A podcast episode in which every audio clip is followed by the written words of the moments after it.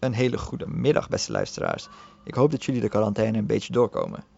Om het jullie iets makkelijker te maken, heb ik een heel interessante aflevering uitgekozen. In deze crisisperiode is betrouwbare en feitelijk correcte informatie belangrijker dan ooit. Maar wat is precies de relatie van wetenschap met het concept feit? In deze uitzending van 28 april 2019 sprak oud-redacteur Emma van Venen hierover met Jean ten Hagen, die in zijn promotieonderzoek aan de UvA keek naar hoe de definitie van het begrip feit vanaf de 19e eeuw veranderd is, en Chung-Lin Kwa, docent Science and Technology Studies aan de UvA en schrijver van het boek Wat is waarheid? Ik koos deze uitzending allereerst natuurlijk omdat het onderwerp vrij relevant is, vooral in deze periode van groeiende publieke sceptisch tegenover de wetenschap. Over mensen die 5G-masten in de fik steken omdat ze denken dat het coronavirus hierdoor wordt verspreid, hoef ik denk ik niet heel veel te zeggen. Maar de geschiedenis van feiten in de wetenschap gaat dieper dan alleen wat is empirisch aan te tonen. En dat komt in deze uitzending naar mijn mening heel mooi naar voren. Dus bij deze heel veel luisterplezier.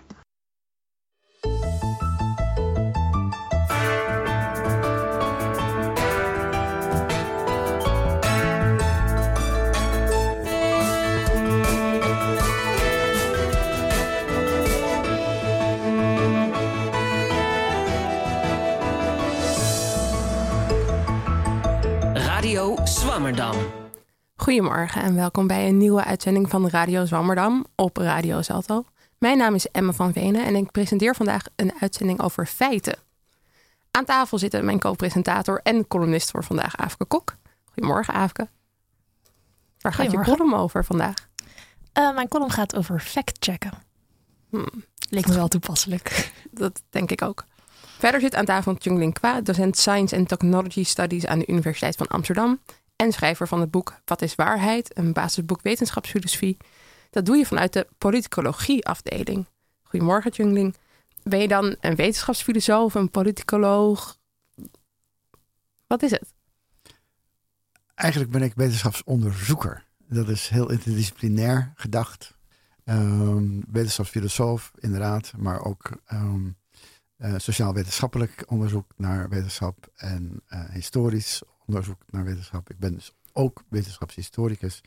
En eh, een deel van mijn werk is relevant voor de politicologen. Ja.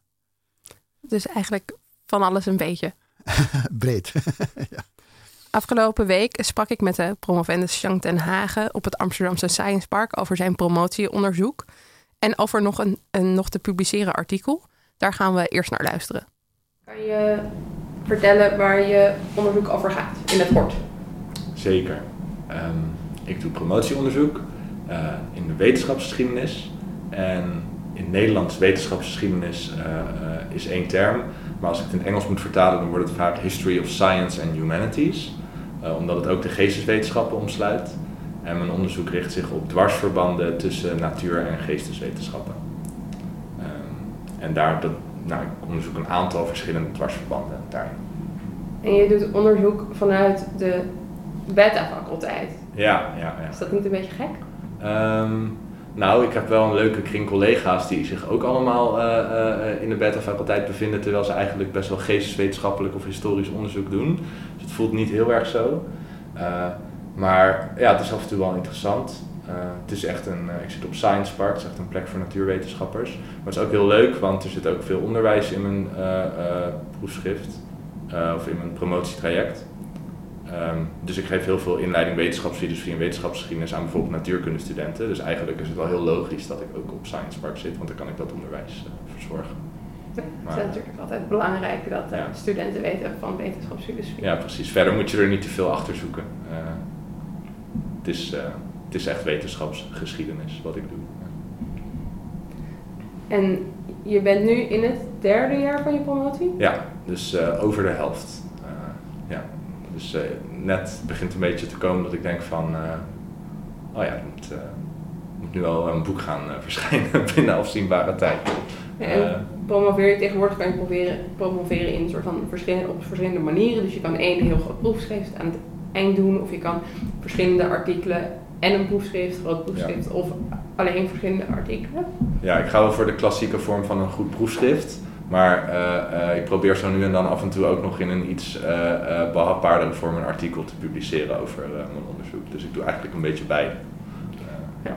En over één waarom we het vandaag hebben, Ja. gaat over feiten. Of eigenlijk het begrip feit. Ja. Is er een definitie die we alvast kunnen geven van tevoren van feit? Of Dat kunnen we doen. Eh, eh, ik weet niet of je een goed idee hebt. Eh, mijn benadering was het tegenovergestelde. Ik ben juist begonnen zonder vooraf een definitie te bedenken van wat een feit is. En ik ben gewoon gaan kijken wat in de geschiedenis van de wetenschappen, zowel de natuur als de geesteswetenschappen, mensen met feiten bedoelden. En toen kwam ik eigenlijk achter dat mensen heel veel verschillende dingen met feiten hebben bedoeld. En misschien nog wel nog steeds bedoelen. Ehm, dus nee, echt een definitie van een feit eh, eh, ga je uit, deze, uit het gesprek eh, misschien niet kunnen halen, maar wel heel veel verschillende definities. En je kijkt dus naar het begrip feit in de geschiedenis. Vanaf wanneer dan ongeveer? Ehm, nou, laten we zeggen de 19e eeuw, de lange 19e eeuw, dat is een beetje mijn, het gebied wat ik het meeste heb, heb bestudeerd. En ik kijk eigenlijk, eh, dus ik, ik, zoals ik al zei, onderzoek ik dwarsverbanden tussen natuur- en geesteswetenschappen. Maar ik kan onmogelijk de hele natuur- en geesteswetenschappen bestuderen, dus ik heb me voornamelijk gefocust op natuurkunde en geschiedenis. Eh, en eh, de 19e eeuw is dan met name heel interessant, omdat eigenlijk gedurende de 19e eeuw worden natuurkunde en geschiedenis worden eigenlijk duidelijke disciplines. En ik heb eigenlijk onderzocht hoe in dat proces van dat natuurkunde en geschiedenis duidelijke disciplines worden, hoe men dan met feiten omgaat en wat men onder feiten bestaat en waarom feiten belangrijk zijn. En dat ben ik gaan vergelijken tussen de natuur en de geesteswetenschap. En in het artikel focus je ook specifiek op Duitsland, of in ieder geval de, de Duitse universiteiten. Waarom Duitsland? Ja, dat is een goede vraag. Eh, ik ben er eigenlijk steeds meer over na gaan denken de laatste tijd. Eh, want het is eigenlijk heel interessant om bijvoorbeeld ook in Nederland te onderzoeken, maar dat heb ik nog niet echt gedaan. Maar er zijn wel redenen waarom Duitsland een logisch punt is om te beginnen. En dat is namelijk, dat, dat weten misschien veel van de luisteraars wel, eh, misschien ook niet. Ehm, maar de, de eerste echte onderzoeksuniversiteiten die ontstonden in Duitsland aan het einde van de 18e en het begin van de 19e eeuw. En op die onderzoeksuniversiteiten werden disciplines zoals natuurkunde en geschiedenis, sorry, eh, die werden eh, veel belangrijker. Ehm, en die, eh, eh, ja, die vormden zich echt ook als disciplines. Eh, dus daar zie je echt iets nieuws gebeuren. En later zie je dat dat ook in andere landen een beetje gevolg krijgt. Eh, maar juist dat proces van disciplinevorming heb ik ook willen bestuderen. En dan is Duitsland dus een logisch punt om, om te beginnen. Dus je probeert eigenlijk via het begrip feit naar de Ja, ja, dat klopt. Maar daar moet ik wel nog iets bij vertellen, want er is nog een reden waarom Duitsland eigenlijk heel interessant is om in de 19e eeuw eh, het feit te onderzoeken. Eh, en dat is omdat eh, er eigenlijk het, woord dat tegenwoordig door Duitsers het meest gebruikt wordt om het over feiten te hebben, dat is het Duitse woord Tatsache. En dat is een vrij nieuw woord. Dus dat komt pas op aan het einde van de 18e eeuw. Eh, en terwijl dat nieuwe woord gevormd wordt, eh, hebben die Duitsers het voortdurend met elkaar over, oh maar wat betekent dit nieuwe woord eigenlijk dat we nu met z'n allen aan het gebruiken zijn? En dat maakt het dus ook heel interessant. Dus je ziet heel veel veranderen bij die Duitsers. Terwijl bijvoorbeeld in Engeland heb je veel meer continuïteit, daar heeft men het al veel langer over fact. Eh, en in Duitsland is dat niet zo. Dus daar zie je echt iets nieuws gebeuren. En in de 19e eeuw heb je dat nieuwe woord wat dan aan betekenis wint en veel verschillende betekenissen krijgt. Dus dat maakt het ook extra interessant. En hoe komt dat woord dan, hoe komt dat op? Ja. Dus een of andere Duitser heeft daar in de jaren 70 een heel goed artikel over geschreven. Eh, Dat heb ik niet zelf gedaan. Maar dat is een eh, woord en het komt uit de theologie. Dus dat is misschien niet echt iets wat je verwacht. En dat is ook wel interessant. En daarom is het dus ook belangrijk als je over de geschiedenis van het feit nadenkt. Dat je zowel natuur- als geesteswetenschappelijke disciplines eigenlijk daarin betrekt. Want je ziet dus dat Tatsache, dat komt uit de theologie. Eh, en eh, dat heeft dan een bepaalde betekenis. En pas later wordt het opgepikt door eh, vakgebieden zoals geschiedenis of natuurkunde. En het is een vertaling van het Engelse matter of fact, wat dan al bestond. En vervolgens voegen ze dat als het ware samen. De woorden matter en fact tot taatzache. En dat betekent, dat, dat wordt dan populair aan het eind van de 18e eeuw. Ja. En dat betekent is dus lastig, want betekent het in de theologie en in de geschiedenis en in de natuurkunde dan hetzelfde? Nou, dat is een goed moment inderdaad om nu wat specifieker te worden, wat dat nou betekent. Eh, want eigenlijk bij, dat, bij die overgang van eh, theologie naar natuurkunde zie je al wat veranderingen eh, plaats, dat er wat veranderingen plaatsvinden. Dus in de theologie, het, wordt, het, het wordt geïntroduceerd als een woord als, als, als, als iets dat waarschijnlijk is. Een taatzaak dat is iets dat waarschijnlijk is. En het, moet, eh, het, het, speelt een rol in debatten over of bepaalde wonderen al dan niet hebben plaatsgevonden. En of al, bepaalde wonderen al dan niet feiten zijn. Eh, maar zelfs die feiten die zijn niet zozeer waar, maar die hebben naar een zekere mate van waarschijnlijkheid plaatsgevonden. Dus daadzagen in de theologie zijn niet per se waar. Dat, dat is best opvallend. Maar hoe de natuurkundigen het vervolgens gaan gebruiken, en ook de historici, zie je dat het eigenlijk anders is. Die, namen, die nemen het woord over, maar die interpreteren het anders. Want voor hen is een feit namelijk wel iets dat, dat, dat echt, is, echt is gebeurd, dat, dat echt waar is, met een zekerheid. Gewoon 100% zekerheid. Niet waarschijnlijkheid, maar een feit, dat is iets, ja, dat is iets eeuwigs, dat is iets permanents, dat is iets zekers. Dus die, ja, die vullen dat eigenlijk heel anders in. Ja. Maar is een feit dan daarmee ook voor de natuurkundige puur empirisch? Dus dat het een soort van empirisch dat het in de wereld plaatsgevonden moet hebben? Ja, ja dat denk ik wel dat je, eh, dat je kunt stellen dat voor de, voor de meeste Duitse natuurkundigen, laten we zeggen tussen 1800 en 1850, uh, dat die een feit uh, zien als iets puur empirisch. En ook iets waar je direct toegang tot hebt, dat is wel interessant. dus zonder enige theorie, zonder enige speculatie, zonder enige interpretatie heb je toegang tot de feiten. En de feiten zijn gewoon hetgeen dat je observeert. ja, ja, zo zien ze dat wel. Later verandert dat een beetje. In wat? Uh, nou, uh, dus, is een, dus ik heb een eerste deelonderzoek, dat is een beetje rond 1800. En dan onderzoek ik hoe die natuurkundigen het gaan gebruiken. Uh, maar als je het vervolgens verder volgt, dat begrip feit, zie je dat het eigenlijk niet zo heel erg lang duurt dat Duitse natuurkundigen het op die manier gebruiken. En zie je dat rond 1900 dat een feit helemaal niet meer strikt empirisch is. en dat het ook een beetje theoretisch kan zijn. En wat betekent dat dan? Ja, laten we nog specifieker worden op dit moment. Uh, dus uh, uh, theoretisch wil zeggen, dus, dus de eerste natuurkundigen die onderscheiden heel duidelijk feiten van theorie. Feiten zijn niet theoretisch op het moment dat je iets van wiskunde toevoegt, op het moment dat je iets van speculatie toevoegt, interpretatie, dan is het geen feit meer.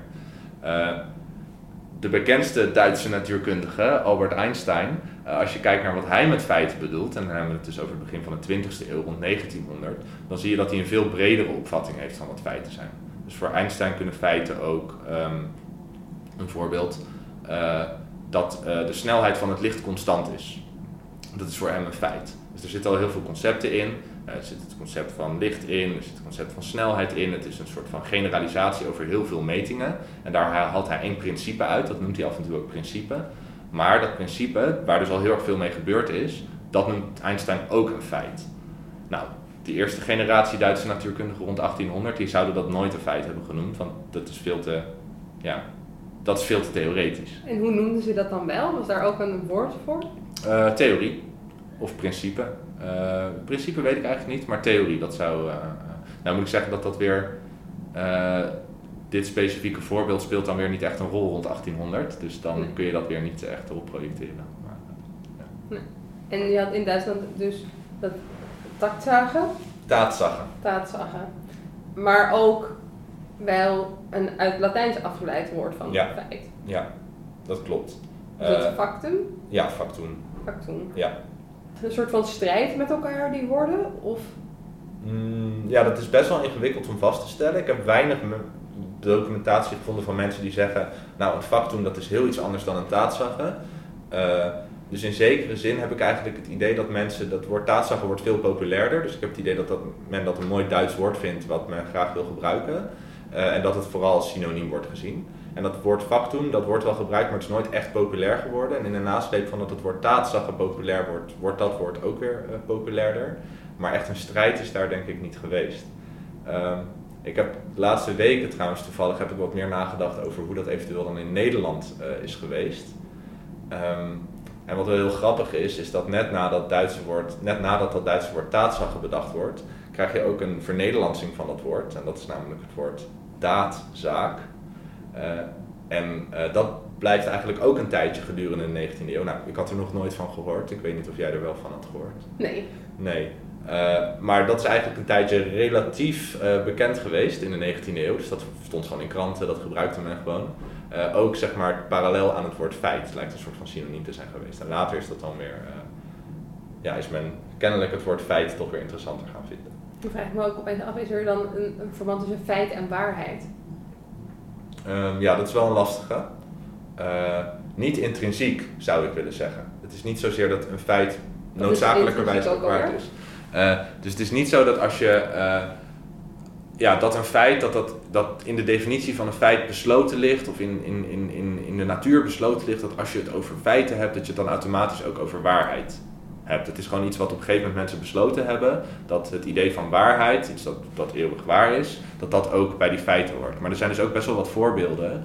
Zo, ik noemde al die Duitse theologen, maar er zijn nog wel meer voorbeelden van mensen die het concept feit hebben gebruikt zonder dat ze daarmee per se ook iets over waarheid eh, bedoelden. Dus vaak, ander voorbeeld, eh, de oorsprong van het feit, dus dat gaat nog, nog een stuk verder terug, dan zit je in de 16e eeuw eh, in de rechtspraak. Eh, en daar zijn feiten, of matters of fact, eh, noemt men het dan nog, dat zijn eigenlijk dingen die eh, ja, ter discussie staan dingen, zaken, uitspraken, handelingen die al dan niet hebben plaatsgevonden. En het is dan vervolgens aan de rechtspraak om te bepalen of die feiten al dan niet waar zijn. Dus er zit wel een zekere koppeling met waarheid, is er altijd wel geweest binnen het feitenbegrip. Maar dat feiten ook automatisch waar zijn, dat is helemaal niet vanzelfsprekend. Sterker nog, er zijn heel veel momenten geweest waarop het idee van een, eh, een fout feit of een onwaar feit, dat dat eigenlijk niet een contradictio in terminis was, maar dat je dat gewoon echt kon zeggen.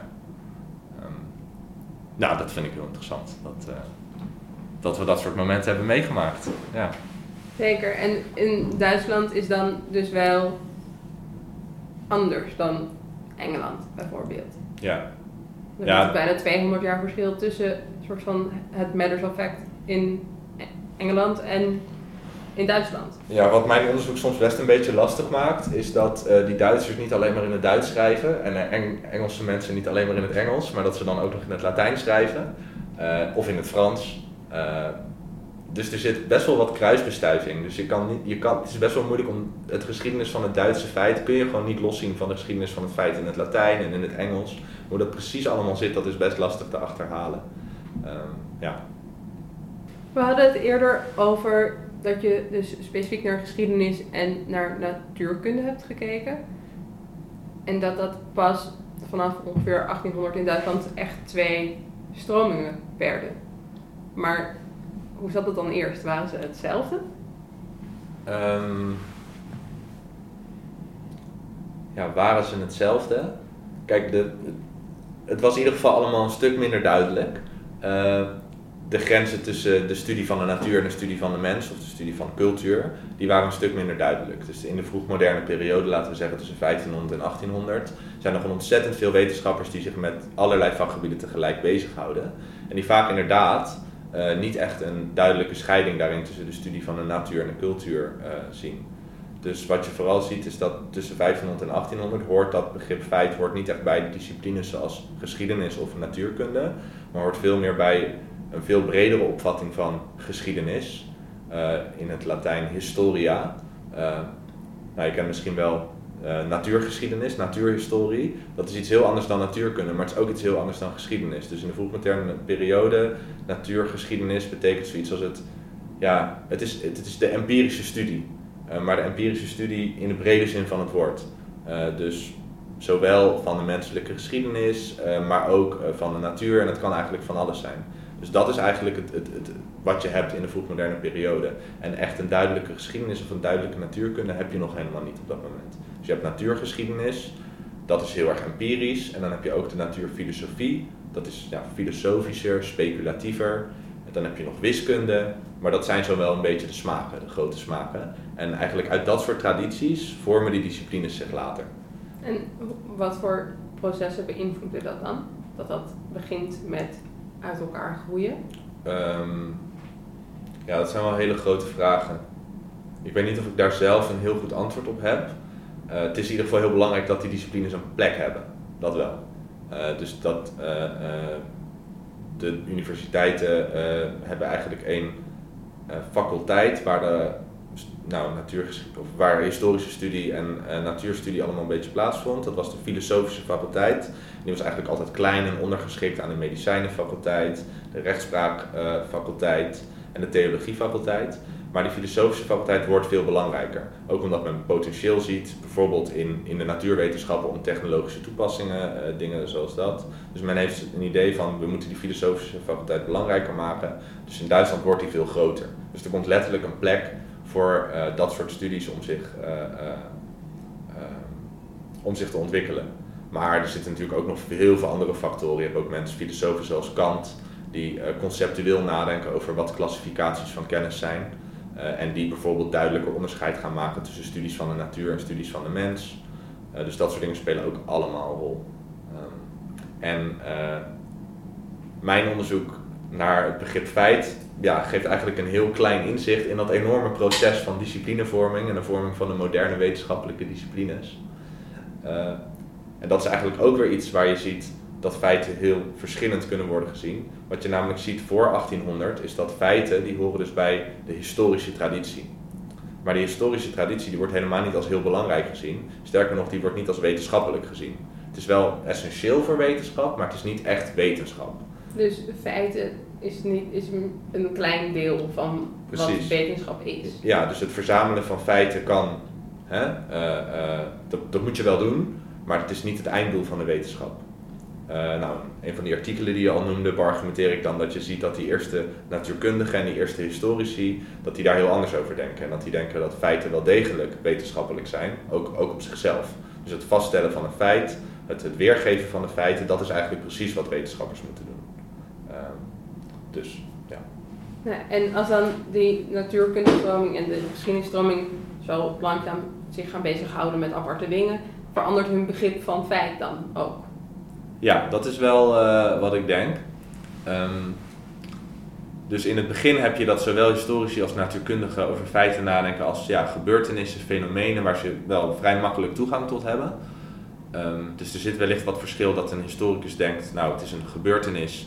En een natuurkundige denkt ook het is een gebeurtenis, maar dan een natuurgebeurtenis, eentje waar je wat directer toegang tot hebt.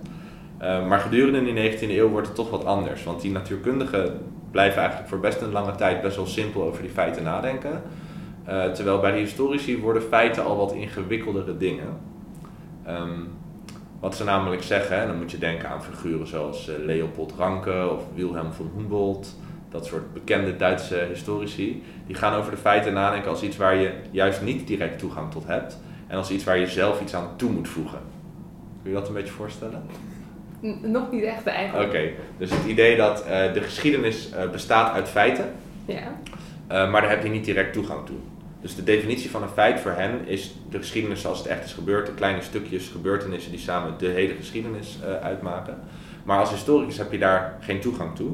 En wat, dan, wat dat impliceert, is dat historici zelf iets moeten toevoegen aan het feit. Dus je hebt een klein stukje, nou, uit bestudering van bronnen als historicus komt, komt wat naar voren, maar dat is altijd maar een fractie van de eh, geschiedenis en dan moet je zelf iets aan toevoegen, iets spiritueels zeggen ze.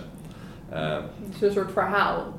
ja, een idee, denk ik dat ze vaak zeggen. We moeten een idee toevoegen. Ja, ja een verhaal klinkt ook wel mooi. Ja.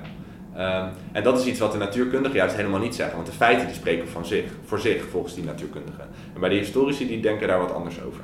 Eh, er zijn misschien nog ook wel historici die denken dat de feiten wel voor zich spreken. Maar er zijn ook steeds meer historici die zeggen nee, feiten daar moet je iets aan toevoegen. Totdat ze een soort van spiritueel element hebben. En dan heb je echt de geschiedenis zoals het was. Maar eh, die krijg je niet zomaar.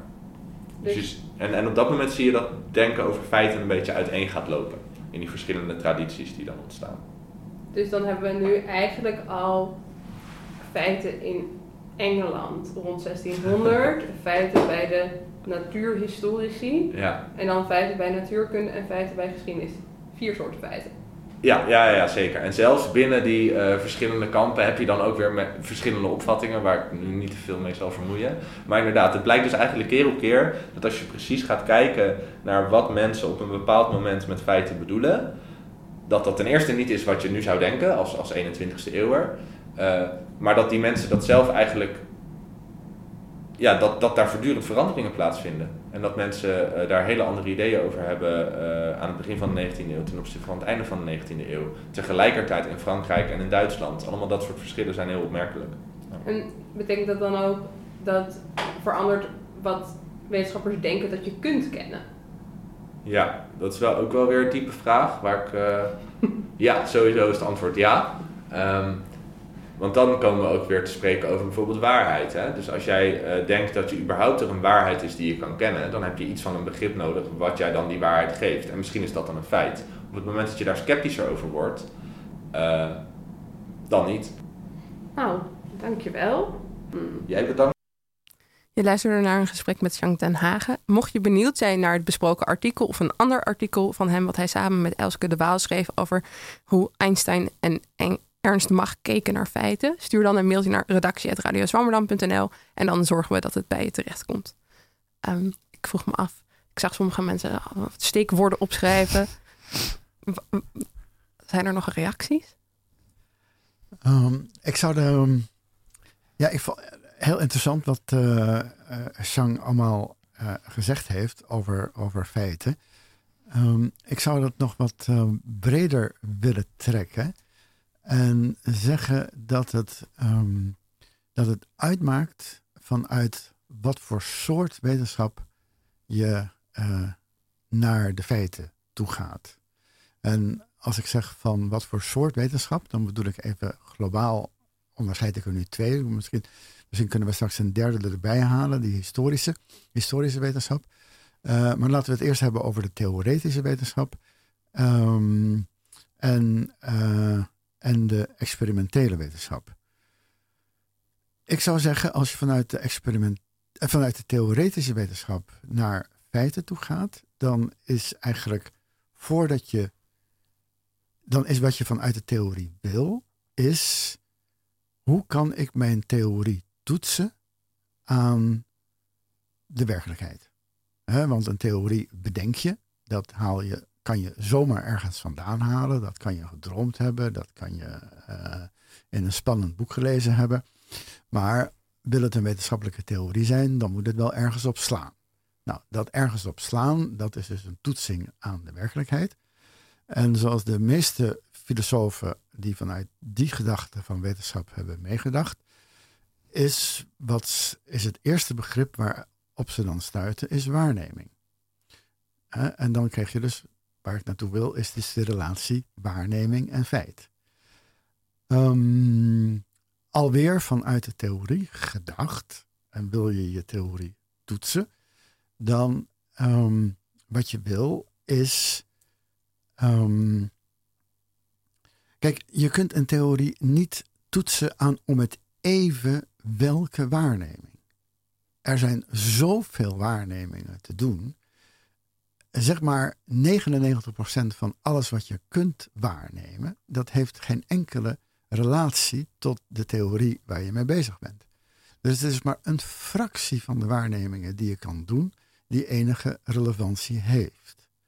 Nou zou je kunnen zeggen, dus dat als je vanuit die theorie denkt, dat je um, geïnteresseerd bent in die waarnemingen die relevantie hebben, die een bepaalde feitelijke status hebben ten opzichte van de theorie waar je in geïnteresseerd bent. Nou, zo werk je dus je, jezelf naar dat feit toe. En dan heb je dus eigenlijk een waarneming die relevant is. Okay, laten we het hier straks verder over hebben. Maar eerst gaan we luisteren naar de column van Aafke Kok. Um, wil je meteen beginnen? Uh, ja, laat ik maar gewoon uh, meteen uh, van start gaan.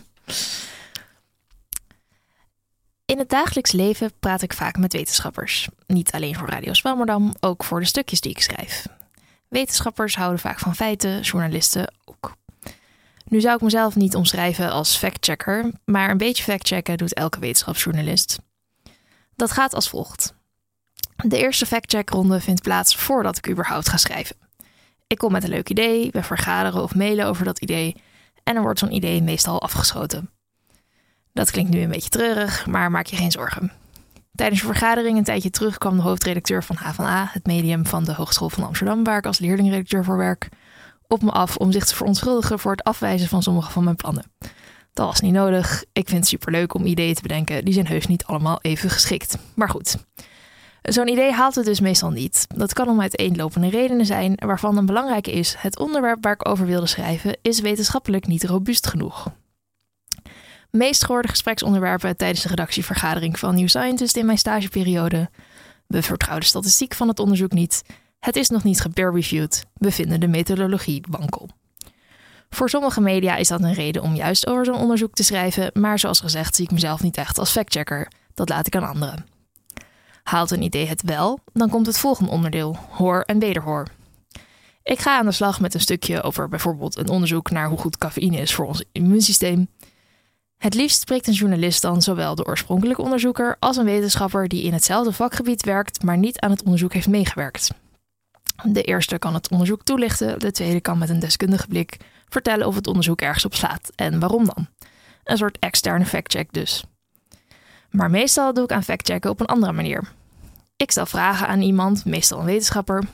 Dat werk ik uit als interview of ik gebruik citaten. Vervolgens stuur ik het stuk terug naar de geïnterviewde, want ik ben een lieve journalist en ik hou van feiten. Ik vraag of de geïnterviewde mijn stuk op onjuistheden kan checken. Zo schreef ik eens dat moderne mensen pas 40.000 jaar later in een bepaald gebied kwamen dan Neandertalers. Dat moest 10.000 zijn. Toch fijn dat de archeoloog zelf dat even verbeterde. Zoals ik zei, ben ik een lieve journalist, dus ik ben ook best bereid om een formulering aan te passen als iemand zichzelf achteraf toch wat te stellig vindt overkomen. Daar ben ik uiteraard niet toe verplicht, maar meestal doe ik dat best. Ik hou van wetenschap en ik vind het enorm voorrecht om met zoveel interessante mensen te praten. Veel wetenschappers zijn in het factcheckproces dan ook heel behulpzaam, zoals die archeoloog of iemand die nog een leuk extra voorbeeld mailt om in het stuk te gebruiken. Maar af en toe, mocht je mij ooit spreken en vraag ik je achteraf onjuistheden te checken, hou het dan daarbij. Heb je nog een leuke metafoor die je was vergeten te melden? Prima, mag je mailen. Als ik hem ook leuk vind, is dat zeker welkom. Maar alsjeblieft, lieve wetenschappers, blijf van mijn taalgebruik af. Ik erken de expertise van wetenschappers volledig. Het zou fijn zijn als wetenschappers de expertise van journalisten ook erkennen. Jij weet leuke dingen, ik kan schrijven. Laten we ons dus alsjeblieft bij ons eigen ding houden. Rommelen in mijn zinsvolgorde, spelling of grammatica verfouteren, ja, verfouteren, niet verbeteren. Woorden vervangen door iets wat precies hetzelfde betekent, doe het alsjeblieft niet. Als een woord in een citaat staat, Allah. Als ik dat in een intro typ, mijn woordkeuze, niet de jouwe, blijf er vanaf. Het haalt het bloed onder mijn nagels vandaan. En ik ga er toch niks mee doen. Opmerkingen of suggesties van deze aard negeer ik volledig. Het enige waar dit wel toe leidt, is dat ik een iets minder lieve journalist word. In een dergelijke frustatiestatus ben ik niet erg geneigd om andere verzoeken in te willigen. Dit is dus een tip voor alle wetenschappers die ooit een journalist spreken. Hou het bij factchecken of waar de journalist dan ook om vraagt. Schrijven kunnen we echt zelf wel. Dankjewel. wat, wat zijn dan feiten voor jou? Ja, dat is inderdaad, als, je het zo, als we het er zo over hebben, best lastig. Ehm, in dit geval is het denk ik eh, of de wetenschap eh, het erkent als waarschijnlijk waar of zoiets. Dus waarschijnlijk waar. Ja, of in elk geval. eh, nou ja, sommige dingen zijn natuurlijk. kijk, als er gewoon gerommeld is met statistiek of zo, dan, dan slaat het gewoon helemaal nergens op. Dan kan je denk ik duidelijk zeggen dat het geen feit is. Maar misschien is het ook onzinnig om het over feiten te hebben in dit verband. Ik weet het niet. Ik ben geen filosoof. Het leuke van het woord feit, zeker als je aan de, aan het, eh, de Latijnse vorm eh, denkt, factum, gemaakt, dat laat zien dat, ehm, dat als we het over feiten hebben, dan, ehm, dan hebben we op een bepaalde manier iets, dan hebben we iets moeten doen om zeker te weten dat we het over iets echts hebben. En dat iets echte, dat mag je waarheid noemen. Eh, jij noemde daar net het woord robuust. Daar ben ik ook erg blij mee. Dat is, dat is een, een, een, belangrijke eh, component van het begrip feit. En ehm, ja, ehm, eh, kijk, ik, ik benaderde, benaderde daarnet die, eh, dat begrip feit vanuit de theoretische wetenschap. Hè, van, eh, je, je hebt een, een theorie, die wil je checken. Je doet allerlei waarnemingen. En eh, van die waarnemingen zijn er maar een aantal die interessant zijn. En die, die, licht je daar, die licht je eruit. Dat zijn dus eigenlijk de feiten die ertoe doen. Dus feiten worden dan, eh, wo- wordt dan dus iets wat je er al uit hebt gehaald. Waar je, waar je werk voor hebt verricht om, om die als relevant te kunnen aanwijzen. Is dat dan ook waar dat maken erin zit? Het, het verrichte werk, ja, ja. Ja. En dat verrichte werk, dat heb je ook vanuit de andere kant. Hè? Want ik wil ook nog graag die andere soort van wetenschap ehm, in, het, eh, in het spel brengen. Dat is de experimentele wetenschap. En wat doet een experimentator? Nou, in de natuurwetenschappen is wat een experimentator doet, dat die, ehm, die maakt een verschijnsel. Die, ma- die laat een verschijnsel zich afspelen onder gecontroleerde omstandigheden in een laboratorium. Dat wil zeggen, kijk, er zijn verschijnselen eh, in de natuur. Eh, als je naar de strand gaat en je blijft er lang genoeg staan, dan zie je het verschijnsel eb en vloed. En je ziet als je, als, je, als je een maand lang buiten, naar buiten gaat, steeds om naar de maan te kijken, dan zie je het verschijnsel van, van eh, progressie van nieuwe maan naar volle maan en, en, en de maandjes daartussenin.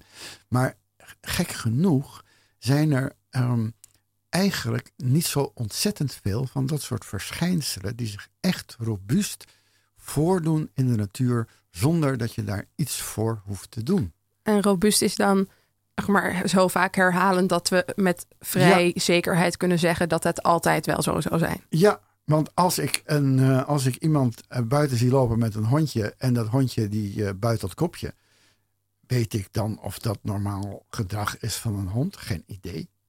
Dat, dat kan zomaar een keer gebeurd zijn. Hij kan gestruikeld zijn over, over, het, over, over, over, over de, eh, de riem waar die aan vastzit. Je weet eigenlijk helemaal niet of dat wel een, een fenomeen is. Hè? En het, het begrip fenomeen heeft eigenlijk in zich dat het robuust is, ja. Dus eh, app en vloed is misschien wel een fenomeen. Dat is absoluut een fenomeen. Ja. Maar er zijn dus niet zoveel fenomenen die we gratis krijgen van de natuur. Hè. Voor de meeste moeten, eh, doen althans natuurwetenschappers, die doen vreselijk hun best om in het, in het lab een dergelijk verschijnsel te laten plaatsvinden. Dus het gekke van de natuurwetenschap is eigenlijk dat ze vooral niet zoveel in de natuur zijn, maar heel veel in het lab. Absoluut. Ja. De natuur bestuderen in het lab. Ja, ja, want eh, als, je, als je aan de neurobiologie denkt, eh, er is echt verbazend weinig dat je kan waarnemen eh, met je handen op je rug, zal ik maar zeggen. Je zult echt iets moeten doen. Je zult, je zult, je zult, je zult in hersenen moeten kijken. eh, en, Ja, en, met en alle dingen moeten manipuleren. en, eh, om, Precies Ja. eh, om iets te doen. Hè? en en ehm, de, de fenomenen die je op die manier uitprepareert, ja, die, die, op een gegeven moment mag je daarvan zeggen, van dat zijn feiten. En Ja. dan zijn feiten robuuste fenomenen. Ja, de beschrijving, dat, zijn eigenlijk, dat is eigenlijk je beschrijving van een robuust fenomeen. Zo zou ik het, dus dan, eh, zo zou ik het dan noemen. Maar is het dan ook, want Chang had het eerder over empirische feiten en ook wel theoretische feiten. Of nou ja, dat, dat je feiten kan, zien als iets wat heeft plaatsgevonden, maar ook dat de snelheid van het licht constant is. Dat zou je ook als feit kunnen zien. Dus ben je het daar dan niet mee eens? Of wisselt dat per wetenschap? Dat kan ik me eigenlijk ook nog best wel goed voorstellen. Nou, om, ja, ja, eh, kijk. Bij Einstein heeft daar een interessante omslag plaatsgevonden met, dat, met die status van, van, van dat feit dat de snelheid van licht constant is. Eh, ehm, ehm, voorafgaand aan Einstein is, voor zover ik weet, is dat een, een feitelijkheid geweest. Dat is een empirische feitelijkheid geweest. Eh, onder de handen van Einstein is datzelfde feit eigenlijk veranderd in een principe. Namelijk, eigenlijk kan het niet anders dan dat de snelheid van het licht constant is. Want als dat niet zo zou zijn, dan zouden we in een hele rare natuur terechtkomen. Eh, dat is een hele specifieke ingreep die Einstein ten opzichte van dit feit heeft gedaan. Maar eh, even afgezien daarvan, dan denk ik dat het voorafgaand aan Einstein wel degelijk een, een, een empirische eh, constante is geweest. Ja. En dan is dus een theorie is een theorie en een feit is een feit. En dat zijn twee verschillende dingen. ja, maar het is, kijk, het is vanuit, ook vanuit de theorie gezien, is het, het is niet zonder meer dat je, dat, eh, dat je feiten gratis krijgt. Je moet er iets voor. Vanuit de theorie gezien is het zo dat je, dat je ehm, iets moet kunnen aanwijzen in de natuur dat relevant is om te kunnen zeggen of je theorie ergens op slaat of niet. En ehm, heel veel. Kijk, vanuit de theorie gezien zijn er ontzettend veel feiten in de natuur die er niet toe doen. En zijn er feiten die er wel toe doen. Nou, dat, daar moet je het dan over hebben. Uh, vanuit de, uh, vanuit de uh, experimentele wetenschap ligt het eigenlijk anders. ik doe een, een, experiment in een lab. daar krijg ik een ontzettend leuk feit of, of, een ontzettend leuk fenomeen. Ik, zal, ik, zal, een beroemd voorbeeld geven. Een, van de, een van de grote nieuwe experimenten van de 17e eeuw. Robert Boyle die maakte een hele grote ehm, glazen stolp. En daar uh, koppelde hij een, een, luchtpomp aan. En uh, beetje bij beetje uh, pompte hij de lucht uit die glazen stolp weg. En in die glazen stolp had hij een brandend kaarsje. En na verloop van tijd zie je dat dat brandend kaarsje uitdooft. Dat is een fenomeen. Daarmee had Robert Boyle een fenomeen geproduceerd dat voordat hij dat deed, had niemand in de hele wereld en de hele menselijke geschiedenis dat ooit gezien. dat door te draaien, dus voortdurend zo'n pomp te manipuleren, dat je een kaarsje kan laten uitdoven. Dat is een fenomeen. Het leuke van dit voorbeeld is, kijk, als ik dat nu vertel aan mensen, dan, roepen ze, dan roept iedereen van, oh, maar natuurlijk, hè, want eh, Robert Boyle maakte een vacuüm. Nou, het leuke van de omstandigheid van de 17e eeuw was dat het begrip vacuüm een ontzettend beladen theoretisch concept was. volgens sommigen kon een vacuüm bestaan, volgens anderen niet. Robert Boyle die wilde zich daar buiten houden. Die beschrijft het experiment het, en, en, en dus ook het fenomeen van het uitdovende kaarsje zonder enige referentie naar het begrip vacuüm. Hij laat gewoon het fenomeen zien. En eigenlijk zegt hij tot de theoretici en de filosofen van doe ermee wat je wil. Ik heb het fenomeen geproduceerd. Ik heb het feit geproduceerd. En ga verder je gang. Want er is toevallig, heb ik daar laatst les over gehad, een heel leuk boek van Theodore Porter. Um, waarin hij dit ook gebruikt om het te hebben over objectiviteit in de wetenschap. En hoe dat net als feit ook nou, niet een, een begrip is wat er gewoon was, of dat altijd hetzelfde was.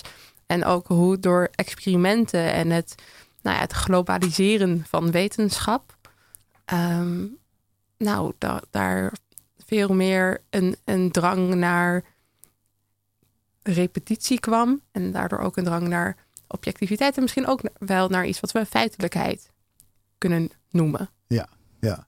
Nou, objectiviteit is natuurlijk. Dan, dat is. Um, kijk, dat, dat begrip objectiviteit, dat doet nu weer ontzettend. Nou ja, daar heeft Porter het ook over. Hè? Dus dat verlangen naar objectiviteit. Uh, bijvoorbeeld bij, in de statistiek. Hè? Van statistici beloven dat zij het zijn die kunnen aangeven wat, wat, wat, wat objectiviteit is.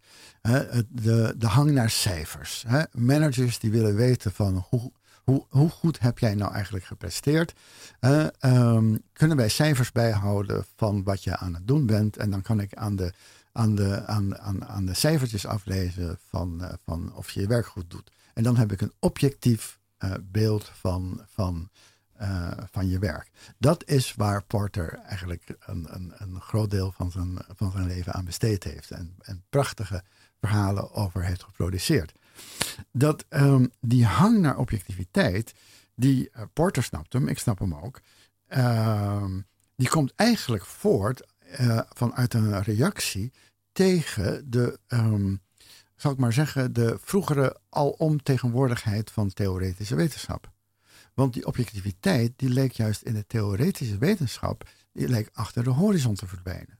Want het was de theorie die aangaf wat relevant was in de natuur enzovoort. En eh, heel veel werd bij voorbaat eigenlijk daardoor uh, als niet relevant verklaard. Nou, um, en het is dus eigenlijk alleen maar vanuit je. Het zijn dus eigenlijk alleen maar je gedachtenspinsels, die theorie, die, die dus zeggen wat er van belang is in de wereld en in de natuur. Dat is eigenlijk een ja, een soort pijnlijke constatering die we moeten doen. En die dus de wetenschap eigenlijk heel lang en, en de filosofie ook eigenlijk geaccepteerd heeft. Hè? Ja, dus dat het gewoon de personen waren ehm, die bepaalden wat belangrijk was en niet. En dat werd dan ook nog waar of objectief genoemd. En dat vonden mensen op een gegeven moment gewoon heel erg vervelend. Want Ja, wie, ja, wie ben jij in je leunstoel die kan ja. zeggen dat ruimte en tijd eh, twee hele andere dingen zijn? Nou ja, en dat ruimte en tijd een, een, een, een voortbrengsel zijn van de menselijke geest, zoals de filosoof Kant heeft gezegd. Maar is het bij theoretici niet ook zo dat je bijvoorbeeld iets als herhaling moet hebben? Dat je, nou weet ik veel, bijvoorbeeld de, de snelheid van het licht eh, voor vers- verschillende fenomenen iets moet verklaren of zo, voordat je kunt zeggen dat het robuust is? Jawel, jawel. Maar kijk, de, de, de, die, die theoretici die zeggen van we hebben die fenomenen wel nodig.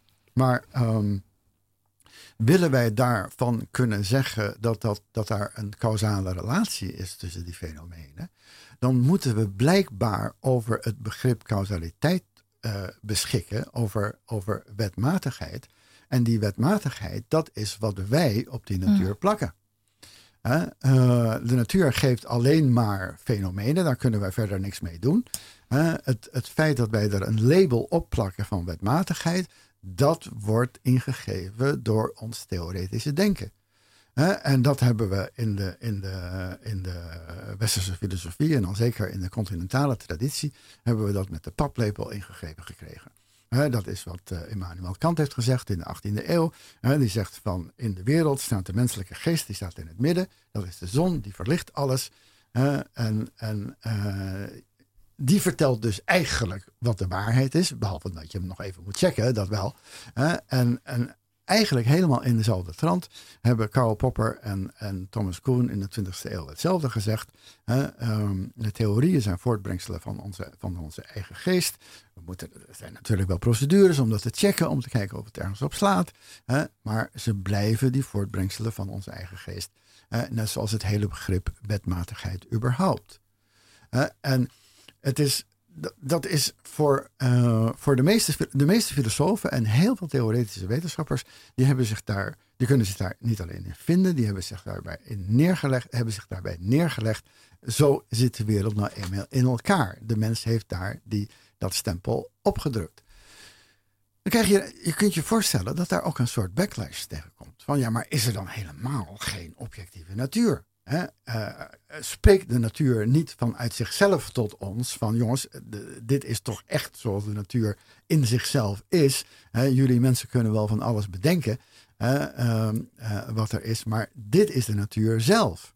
Nou, dat is dus die hang. Dan krijg je dus die vraag naar waar zit dan die objectiviteit?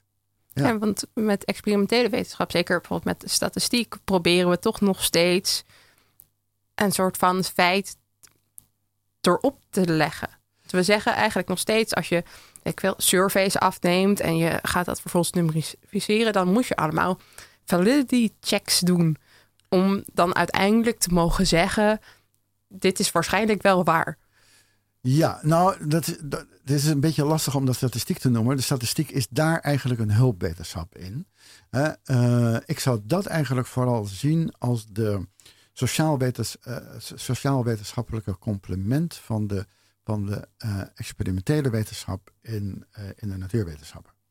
De, de, de natuurwetenschapper die heeft het voorrecht om een, om een laboratorium tot zijn beschikking te hebben. Die kan daar, voor zover het hem of haar mogelijk is, de natuur laten doen wat hij wil. De sociale wetenschapper kan dat niet. Die, heeft dus, die moet dus waarnemingen verzamelen uit eh, surveys bijvoorbeeld.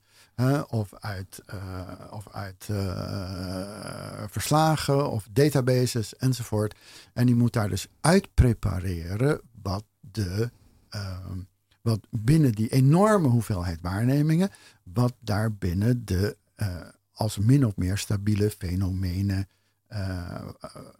aan te merken is. Maar dat is dan toch bijna hetzelfde als. Dat ga je meestal ook doen met een theorie op de achtergrond. En dat bepaalt dan wat je kiest. Ja, maar weet je, zo, eh, zo theoretisch hoeft die theorie niet te zijn. Hè? Eh, heel veel van, eh, van het soort van fenomenen dat op die manier door sociale wetenschappers wordt, wordt, ehm, eh, geprepareerd, zal ik maar zeggen. Daar, zit, daar kan wel een beetje een theoretische gedachte in achter zitten. Maar dat is niet een supergrote theorie. Nee, niet zoals in de filosofie, de filosofische theorieën die proberen nou, een soort van een universele waarheid Ja. te bevatten. Ja, nee dat, eh, hoeft, dat hoeft, nee, dat hoeft niet per se universeel te zijn. Ja, of, of het kan in ieder geval eh, kan heel praktisch zijn. hè, van, eh, kijk, je, je kan, je, kijk, je kan wel bedenken dat, ehm, ehm, dat onderwijs in een kleine klas eh, beter, tot betere kennisoverdracht leidt dan onderwijs in een hele grote klas. maar dan moet je dus e- wel even nauwkeuriger kijken naar, naar allerlei eh, prestaties van leerlingen in klassen van, eh, van 30 plus leerlingen vergeleken met klassen van, van 15 leerlingen, pak een beet.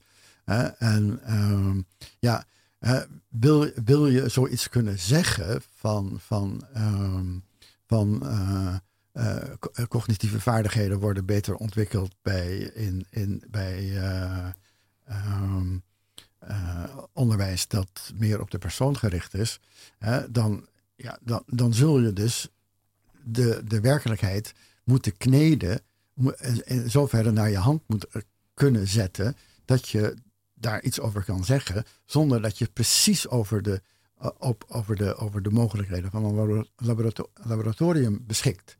Dus je moet, je moet dus die, eh, de data die je hebt over een klas met 27 en een klas met 29 en een klas met 35 en een klas met 17, die moet je allemaal zo opzetten en verdelen dat je eh, daar toch nog een, een, een uitspraak over kan doen. Ik zou zeggen dat is vergelijkbaar met wat de natuurwetenschapper in zijn laboratorium wil doen.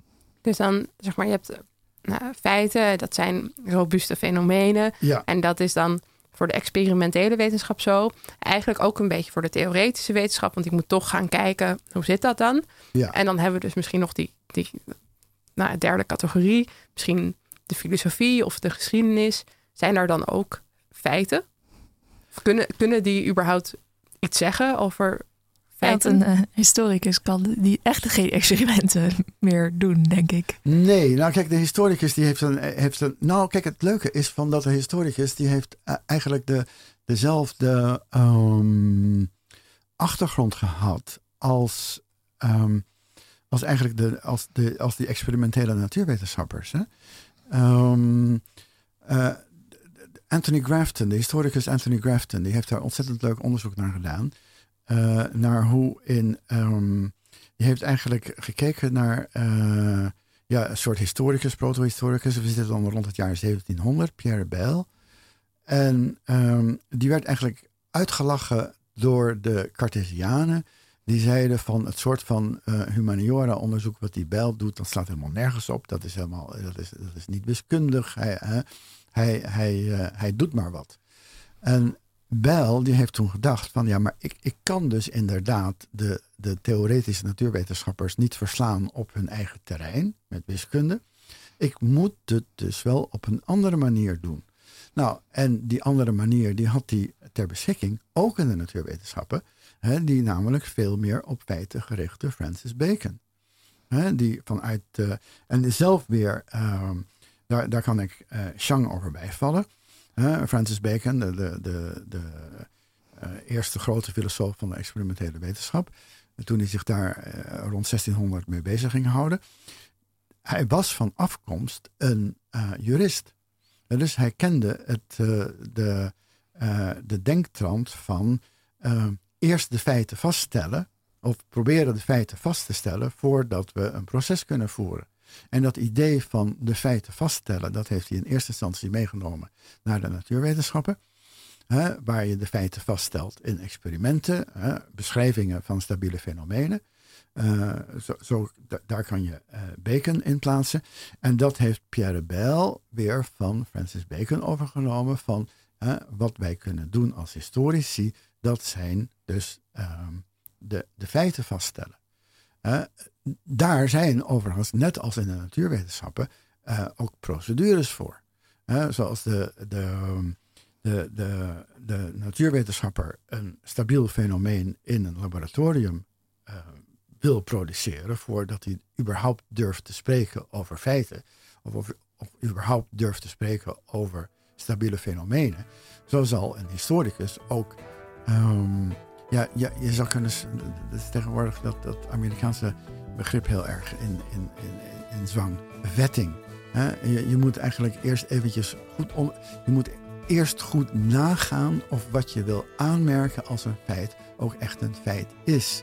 Bijvoorbeeld procedures als van eh, als je een, een, een historisch feit wil eh, boekstaven, dan zal je toch op zijn minst twee getuigen moeten hebben die dat feit eh, ondersteunen.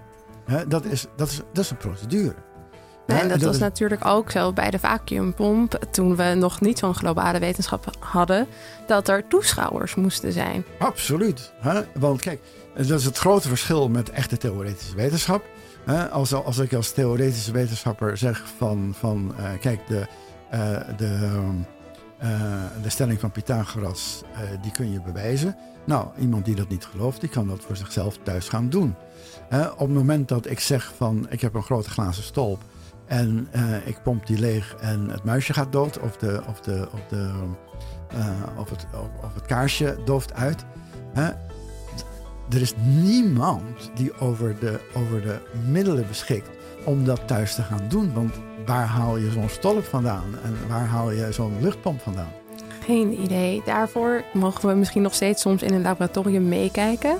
Dit was het weer voor ons vandaag. Het uur gaat al- altijd weer veel te snel. Aan tafel de Jungling Kwa. En ik sprak eerder met Chang ten Hagen. Heel erg bedankt voor jullie bijdrage vandaag. Ook wil ik mijn co-presentator Afke Kok bedanken voor je column en voor je fijne co-presentator. Achter de knoppen zat vandaag Josta Bosma. Dankjewel. Later vanmiddag kunt u de hele uitzending via onze website www.radiozwammerdam.nl terugluisteren of via een podcast-app. Like ons op Facebook, volg ons op Twitter en wil je reageren op deze uitzending, dan vinden wij dat heel erg leuk. Volgende week presenteert Bouke Kok een uitzending die in het teken staat van radio tijdens oorlogsjaren. Mijn naam is Emma van Venen, u luistert naar Radio Zwammerdam en voor vandaag nog een hele fijne zondag.